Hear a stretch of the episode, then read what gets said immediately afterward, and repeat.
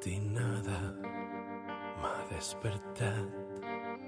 Oh, vela, ciao, vela, ciao, vela, ciao, ciao, ciao, la matinada m'ha despertat i he descobert l'invasor.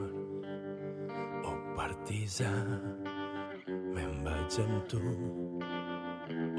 Oh, bella ciao, bella ciao, bella ciao, ciao, ciao, oh, partisa.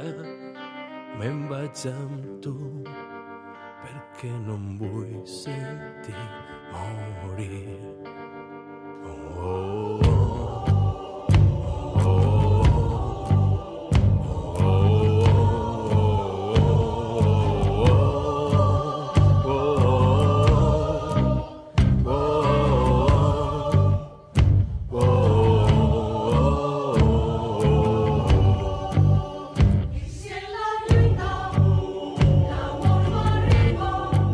Hola a tots i benvinguts al segon capítol d'esta sèrie de podcast sobre els Jocs de la Memòria en què parlem de llocs, d'indrets de tota la comunitat valenciana que foren importants, sí, en què passaren coses que no volem oblidar i també parlem de gent que val la pena recordar. Parlem d'edificis, de paratges, de localitzacions en els mapes, però sobretot ho fem com a excusa per a parlar dels protagonistes, dels herois oblidats, de les víctimes, dels que ho perderen tot, incloent el dret a no ser oblidats. El lloc de l'episodi d'avui és emblemàtic, tant que dona nom al nostre projecte de recuperació de la memòria històrica. El mur de Paterna, el mur d'afusellaments del Terrer, el camp de tir al costat del cementeri municipal i molt prop del campament militar. El lloc on durant 17 anys en temps de pau es va executar 2.238 persones. A tot Espanya, només un altre lloc negre de la repressió franquista el supera. És el cementeri de l'Est, el de l'Almudena de Madrid. Paterna i les seues fosses són tot un símbol de la recuperació de la memòria i a este lloc negre dediquem el capítol. Això que estan sentint és El Mur, els Jocs de la Memòria, un serial radiofònic multimèdia dirigit i presentat per Carlos López Olano. Fem periodisme en format podcast, però també molt més. Si accedixen pel web, diversos recursos construïxen un relat multimèdia. La sèrie és una coproducció de Punt Mèdia i de Plaza Ràdio. Capítol 2. El mur d'afusellament i les fosses de Paterna.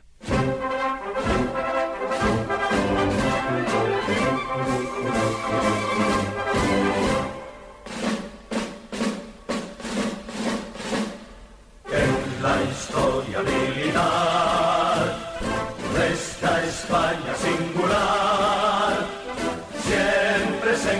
soldado que la lleva a triunfar. Caudillo llegará, de sus filas surgirá. Cuando sea el gran momento.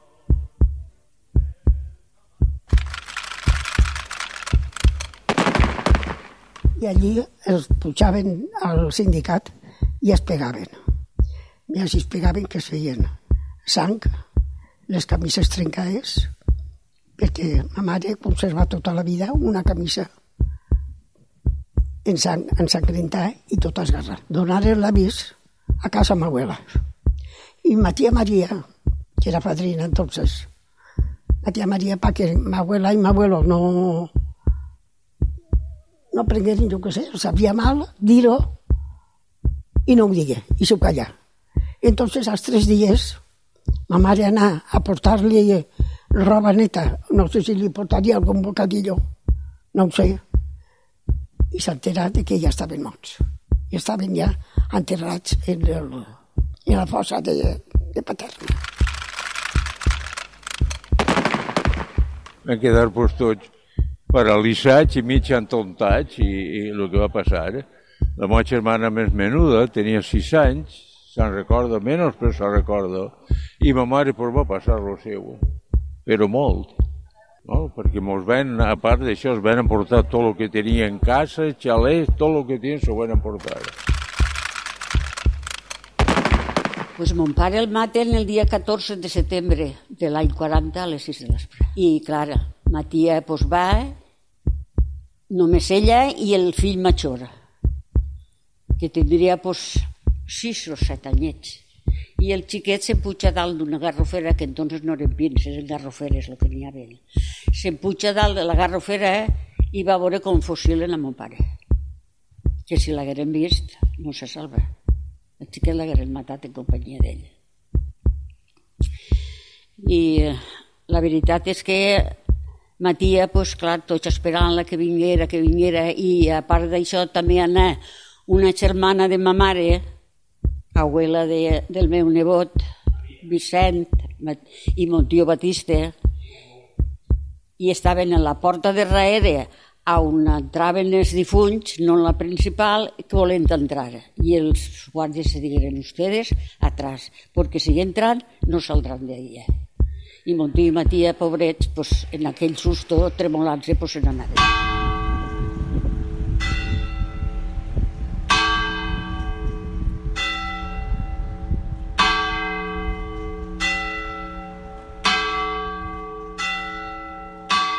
Hem sentit a Amparo, de Rafelbunyol, Juan Luis de Gandia i Pepica, de Massamagrell, respectivament 87, 90 i 89 anys. Els tres van perdre els seus pares a Paterna. Són alguns dels últims testimonis que encara conten de primera mà el que va passar, el crim i després la pena, la impossibilitat de recordar, la prohibició fins i tot de parlar, de contar la història, Ara la lluita per la memòria no la porten ells només, també els nets i els besnets lluiten per treure a la llum què va passar ara fa 80 anys. De seguida parlarem més amb ells, ens contaran amb més detall les seues històries, però abans coneixerem millor el lloc on tot va començar. Passen per damunt sense cap contemplació profanant la nostra història amb absoluta impunitat la justícia està pels ulls. Quatre dècades després, els crims de la dictadura encara no han sigut jutjats.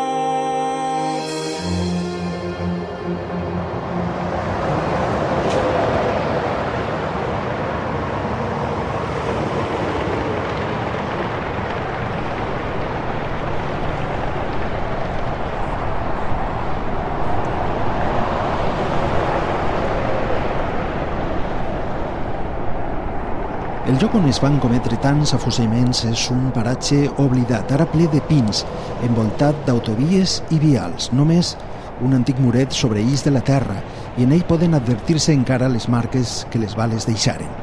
Un cartell provisional posat per una associació privada recorda que així va estar el que s'anomena el Paredón d'Espanya. Molt prop està el cementeri de Paterna, un poble a molts pocs quilòmetres de València. En la porta parlem amb Vicent Gavarda, l'historiador que va rescatar de l'oblit este sinistre lloc de repressió i violència.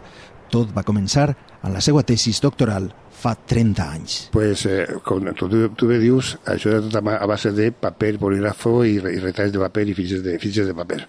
Eh, jo vaig omplir tres o quatre caixes de sabates amb les fitxes rectangulars, eh, també pues, de, de, de 4 per full, amb tota la informació que apareixia en cada una de les partides de funció i després, quan ja vas tindre diners per comprar un ordinador, d'estos que portaven encara pues, disque de, tres, de, de 3 i mig, crec, o 5 i quart, no sé com era, pues va fer una base de dades, dices, vamos, eh, però trivial completament, que no es podés por recuperar, i faena de, de, de negres.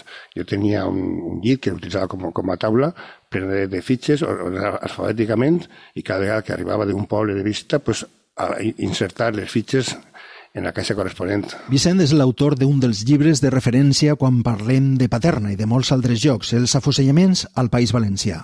Però ha estudiat també la repressió a València durant la República. Jo mm, he fet el treball d'investigació tant un com l'altre per pur interès històric. No, no tinc, que jo sàpiga almenys, familiars ni en un bando ni en un altre morts a conseqüència de la repressió. Aleshores m'interessava conèixer per això, per, per omplir i ser alguna persona que tenia de, de, de, en la meva formació com a, com a historiador. El llibre sobre la repressió franquista, per supost, o l'investigació sobre la repressió franquista, pues, era necessària perquè no hi havia ninguna altra informació. Sobre la repressió republicana sí que es coneixien els noms, a nivell no, no global, com jo vaig fer el treball, sinó si a nivell de, de cada ajuntament, com tot el món sap, estava en, en les façanes de, de l'església, apareixia un llistat amb totes les víctimes del, del, del periodo rojo que tienes, ¿no? També és cert que després de la Guerra Civil, en 40, es va fer, de cometes, una autèntica llei de memòria històrica sobre les víctimes de la dreta.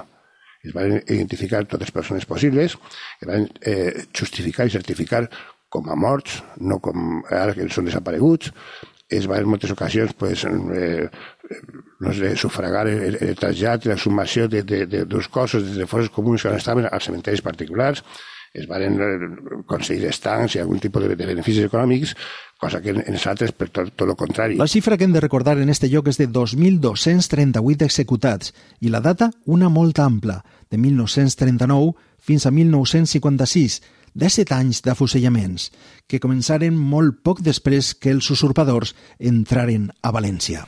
Un Estado totalitario armonizará en España el funcionamiento de todas las capacidades y energías del país, en el que dentro de la unidad nacional el trabajo, estimado como el más ineludible de los deberes, será el único exponente de la voluntad popular.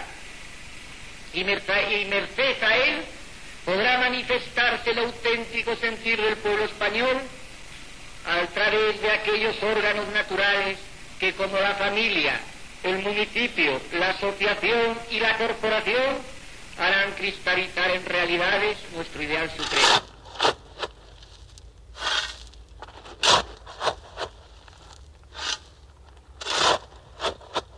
En Paterna, el 3 de abril ya fusilaron a 21 personas, es decir, que tenemos también el triste récord de ser el primer lugar donde fusilaron eh, masivamente, ¿eh?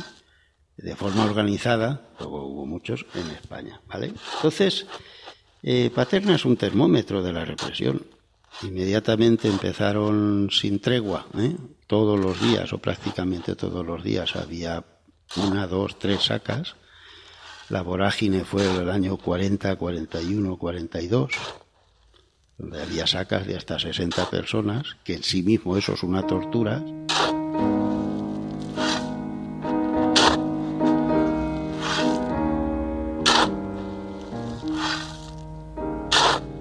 Aquesta és l'hora dels morts, les descàrregues matineres, l'injust des de juny de plom, les flaçades de calç crua i les mans pies de la terra.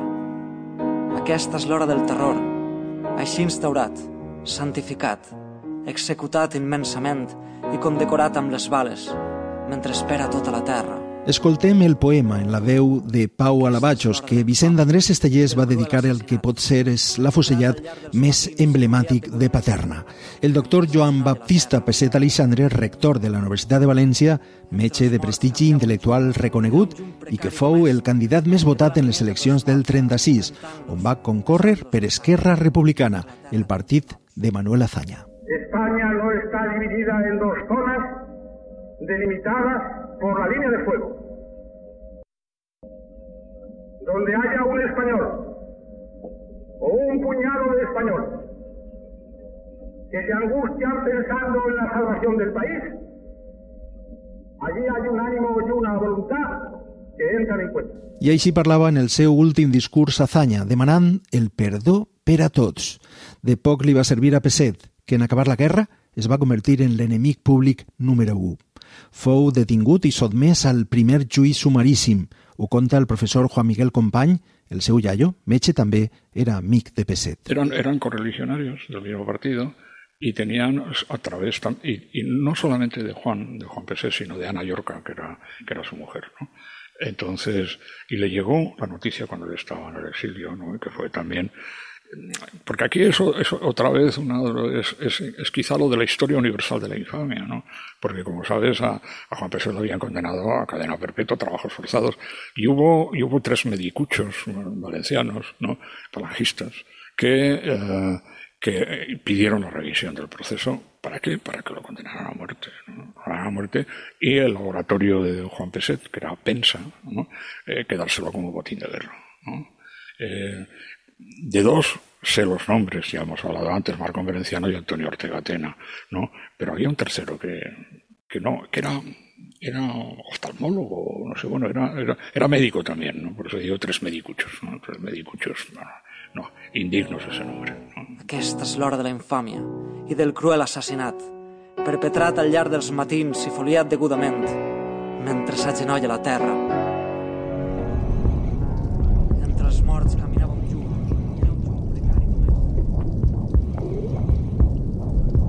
Beset fou finalment afusellat el 24 de maig de 1941, a les 6 de la vesprada.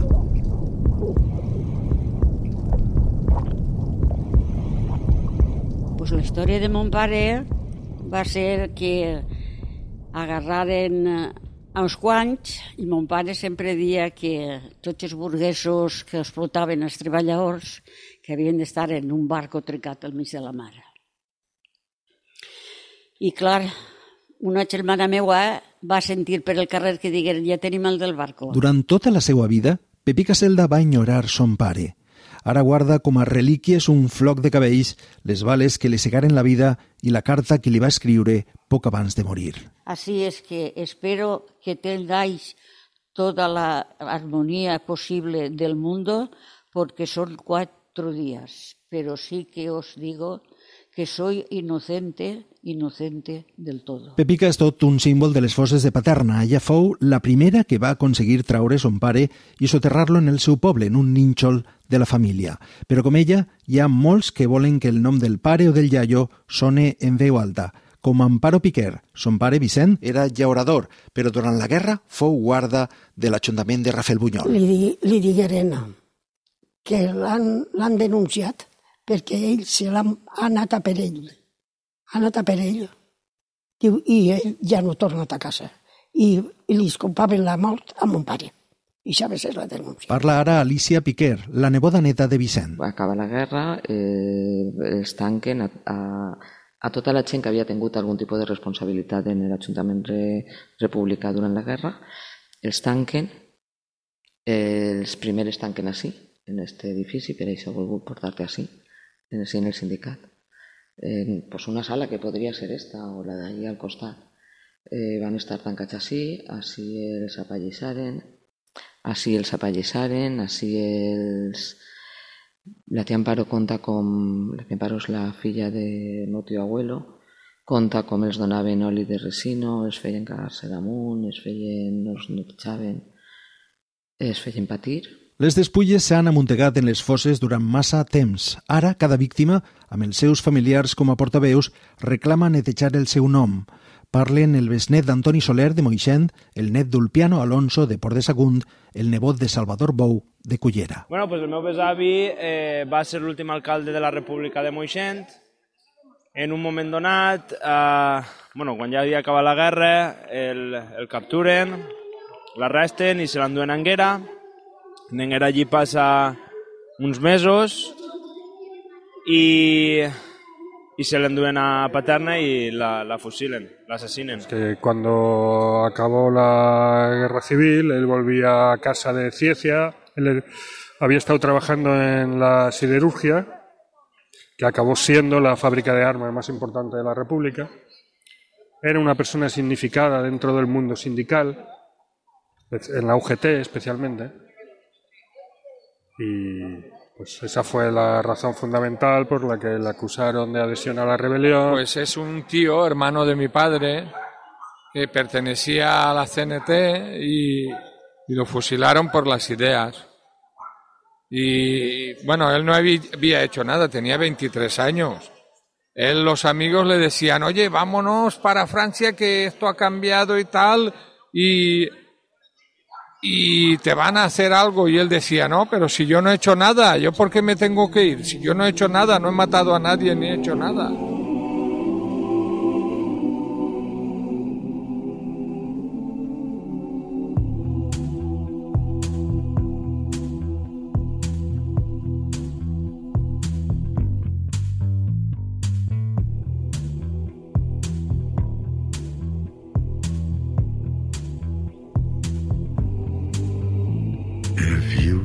Dealer, I'm out of the game. If you are the healer, means I'm broken and lame. If thine is the glory, then mine must be the shame.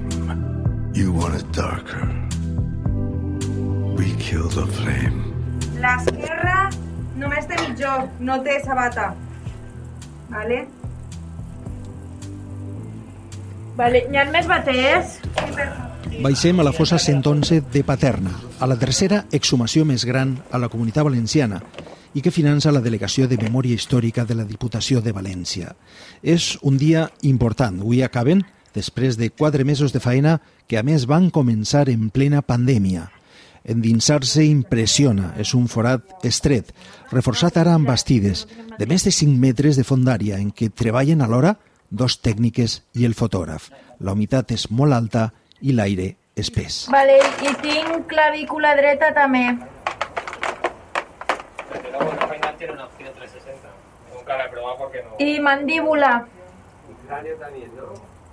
Sí. Mandíbula. Vale. I això sabata sort. Ah. Les tècniques d'Arqueoandro, l'empresa que s'encarrega de l'exhumació científica, treballen a més complint totes les mesures que marca la prevenció de la Covid. Trauen ara l'última de les 150 víctimes que s'amuntonaren així, el resultat de tres saques multitudinàries d'afosillats entre març i maig de 1940. Entre les despulles apareixen remeis de flors que, sens dubte, foren duts pels familiars dels afusellats. La faena es fa complint totes les rutines forenses, fotos, dibuixos, croquis, tot documentat, un autèntic informe pericial. Ho explica Àlex Calpe, codirector d'Arqueoantro. Se fan moltes fotos, dibuixos, fitxes, se fan croquis, eh, n'hi ha una relació molt completa dels ossos que s'exhumen i després a l'hora d'exhumar sempre se fa en dues persones per a tindre pues, un millor control de, de lo que s'està treballant. No? És a dir, lo normal és que quan se fa l'exhumació se selecciona l'individu en, en teoria l'últim que entra a la fossa i el primer que té que eixir sempre que, que la posició dels cossos ho permetisca. No?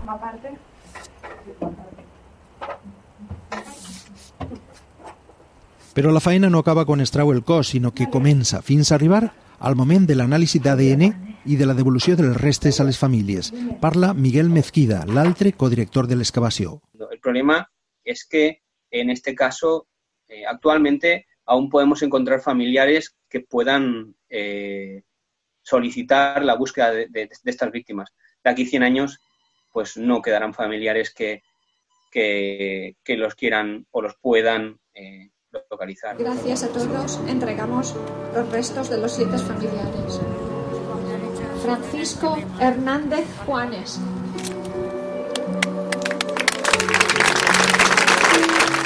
I això és el final del camí per a alguns d'eixos familiars. L'emotiu i oficial acte d'entrega de les restes dels identificats en la fossa 22 fou tota una festa d'homenatge a les víctimes i a la lluita dels familiars per a recuperar la seva memòria. La 22, que albergava 39 afusillats de Llàtova, de Xàtiva i d'Alberic, de l'Alqueria de la Contessa i d'Ibi. Tan sols una de les 70 que hi ha només a Paterna. En tota la comunitat es calcula que n'hi ha unes 300. Esta tardor s'ha intervingut en diverses de Paterna i en el cementeri de Castelló.